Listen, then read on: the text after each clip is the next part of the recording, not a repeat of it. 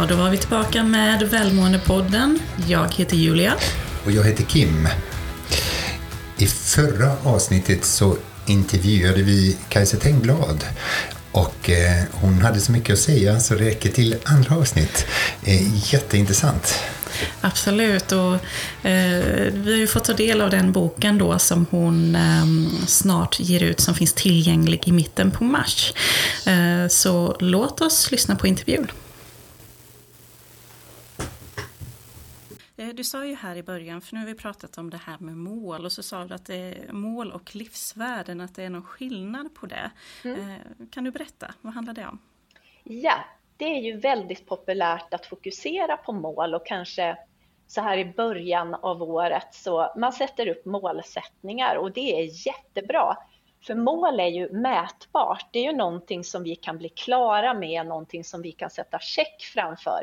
Till exempel så kan man ju ha som ett mål att man ska ta examen och klara av en utbildning och när examensdagen kommer, check, då har jag klarat det. Då vet jag att nu är det här målet uppnått. Ett livsvärde är mer som en kompass som man har med sig på livsresan som visar liksom vägen och riktningen. Och här kan man ha med sig ett livsvärde under väldigt lång tid. Säg att till exempel det här med att bry sig om andra och mig själv i balans, det är viktigt för mig under hela livsresan. Det är någonting som kan visa mig vägen. Men sen kanske jag också kan längs resans gång komma fram till att något annat är viktigt och värdefullt. Det är mer som en upptäcktsresa med livsvärden. Jaha, ja men nu tycker jag att det här eh, är jätteviktigt och värdefullt. Det här skulle jag vilja engagera mig i och göra någonting med. Och jag skriver ju i boken då om ett livsvärde som har funnits med mig länge och som jag tror kommer finnas där och det är ju vad som är min grej, kärlek. Alltså kärlek och godhet och att träna sig både på att se på sig själv och andra men en god blick och vilja sig själv och andra väl. Det är någonting som kan visa mig vägen genom livet och i de olika situationerna som jag kommer att möta. Så det är väl skillnaden, att ett mål kan du liksom bli klar med medans ett livsvärde kan liksom finnas med och visa vägen under en väldigt lång tid. Och här kan man ha flera olika livsvärden också. Ja, så man kan ha flera och det kan ändras med tiden men det kan också vara en grund, eh, mm. eh, kanske ett ord eller en beskrivning som man tar med sig under större delen av livet. Absolut, jag menar att man till exempel när man går på gymnasiet kanske kan känna sig besviken då man har som mål att hjälpa människor och så kommer man kanske inte in på det man har som mål. Jag vill komma in på psykologprogrammet. Men då behöver man ju inte ge upp hoppet för man har ju sitt livsvärde med sig i att hjälpa människor och det finns en mängd andra utbildningar och vägar man kan gå i det. Så det är ju också så hoppfullt just med världen, att det, det öppnas upp fler olika vägar tänker jag. Ehm, en sak som jag tyckte var spännande att få läsa om det är att man kan dela in dygnet i tre delar. Vilka tre delar är det? Just det, det här är ju ett spännande ideal som har funnits med e- ända sedan medeltiden. Om vi tänker så här att vi sover ju en tredjedel av vårt liv och det är ju av ett syfte. För under sömnen, det här vita regenerativa som det heter på latin, det är ju en tid av återhämtning och återuppbyggande av kroppen som händer när vi sover. Och sen har vi då en aktiv del då vi jobbar, pluggar som också är en tredjedel av dygnet ungefär och den kallas för vita aktiva. Men sen så har vi ju en tredjedel till som heter vita kontemplativa. Tid för eftertanke, reflektion, rekreation, för fritid, som egentligen är ett sammansatt ord av fri tid. En tid då vi, här ser jag just nu ett paustecken framför mig. Att vi regelbundet behöver trycka på paus och fundera på just det här med vad som är viktigt.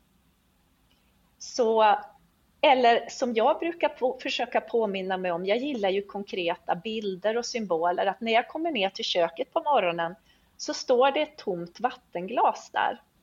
Ett vackert glas som jag dels då blir påmind om vikten av att fylla på med vatten för hälsan, men också en symbol för att den här dagen har jag möjlighet att prioritera och fylla på dagen med det som är viktigt för mig. Och om jag då är en person som älskar att ha fullt upp och prestera, det är ju inte för inte jag har skrivit en bok som heter Prestationsprinsessan, så behöver jag, det är inget fel i sig, om vi tänker igen, det är ena sidan av myntet, aktiviteten och engagemanget och prestationen. Men sen har vi den där möjligheten att utforska. Vad kan det innebära att trycka på paus? Vad är det som laddar mig? Var finns mina laddstationer? Var finns mina depåstopp? Vad är det som ger mig energi? Vad är det jag tycker är kul? Och prioritera det. Eller som mina söner brukar säga när jag ringer dem ibland på väg hem från jobbet och frågar Vad gör du? Chillar. Alltså chilltid och prestationspausa. Eller som jag fick i uppgift av en terapeut som jag var hos när livet var väldigt stressat och pressat att gör någonting som hon kallar för är lite onyttigt som nödvändigtvis inte behöver leda till något resultat. Kanske kolla på en serie eller läsa en bok som inte har ett dugg med mitt jobb att göra. Jag kanske behöver kolla lite mer på roliga klipp som mina, mina söner är väldigt bra på. Är du med? Så att försöka bredda livet och, och tänka att det är som ett buffébord med massa olika möjligheter. Ja, jag tror det, vi är många som kan ta till oss det att eh, man inte hela tiden behöver fylla livet med prestation och att man ska lyckas och nå mål utan vi behöver en lika stor del av livet som spenderas till sådant som är roligt och som vi trivs med och som eh, egentligen ger oss energi. Mm. Och jag har tagit ett citat eh, från boken eh, som jag tyckte var, som jag tog till mig, som jag tyckte var väldigt fin. Och det är så här. Jag är inte framgångsrik, utan motgångsrik. Motgångarna har gjort mig rikare på erfarenheter och mer ödmjuk inför livet.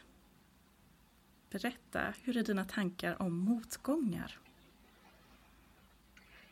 Ja, det första jag tänker på är att det finns så mycket lärdom i motgångar. Jag tänker väl livsresan eh, mycket i, i nyfikenhet och, och lärande och att det finns någonting att dra lärdom av i det som vi möter. Och det är ju någonting som vi delar som människor. Att vi alla möter både jag ser den här hallonlakritsskallen framför mig som jag har som favoritsymbol. Att det är ju den här dödskallen som är hälften svart och hälften röd. Att livet är både rött, sött och gött men också jobbigt, tungt och utmanande. Och här behöver vi på något sätt jobba med att förhålla oss till både oss själva, andra och livet i stort. Att det är så här och tyvärr inte alltid rättvist fördelat i hälften hälften. Utan ibland är det som att alla känslor och alla motgångar kommer på en och samma gång. Och då tänker jag att det är extra viktigt att fundera på, ja men jag tror att jag till och med skriver det, att tänk om vi kunde se de här motgångarna som möjligheter till inre styrketräning. Med det vill jag verkligen inte förringa eh, människor som kämpar med det mörkaste mörker. För det är ju också så att vi är olika där när livet drabbar så är vi olika utrustade. Både i vårt arv, i vår miljö och i hur mycket färdigheter vi har för att hantera det som, som eh, vi möter. Och en del människor behöver mer professionell hjälp och liksom hjälp att hitta ljus i mörkret. Och jag säger inte heller att det finns en mening med allt som sker. Eh, det är inte meningen. Eh, med, med det, mycket av det som vi ser just nu i världen och i, i våra egna liv. Men jag tänker att det är också någonting med motgångar, med smärta, med den här mörka delen av, av den här lakritsdelen eh, av skallen som på något sätt får oss att komma i kontakt med det som är vår innersta kärna som människor. Och det tänker jag är så lika för oss allihop. Det är en djup längtan efter att bli sedd och bekräftad och värderad för den som jag är som person. Det är det absolut mest grundläggande som vi har som människor.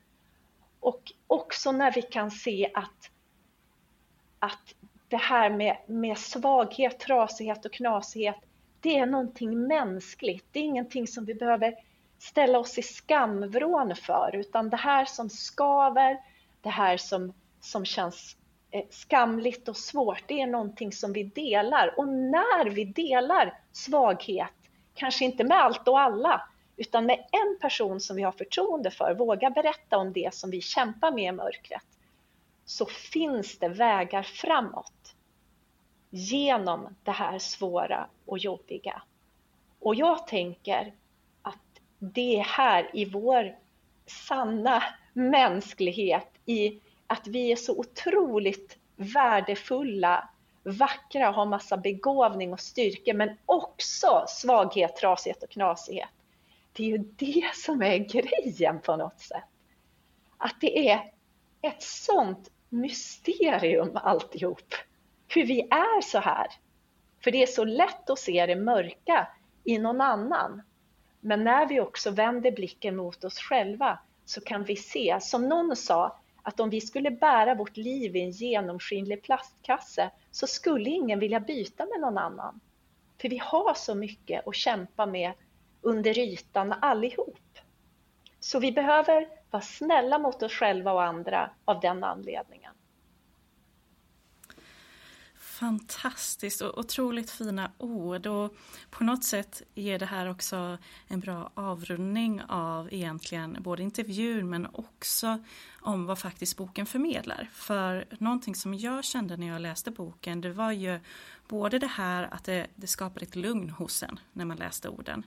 Samtidigt så eh, skapar det en gnista av hopp och med hopp så menar jag den här känslan av att ja, vi kan göra någonting. Det finns eh, saker vi kan bidra med till världen och eh, det finns ett ljus som vi kan gå mot. Och det, det tror jag att eh, vi många behöver idag eh, när livet känns kanske extra tufft och det känns som det är mycket svårt i världen så är det viktigt att ta sig en stund och landa och reflektera för att få den här gnistan igen.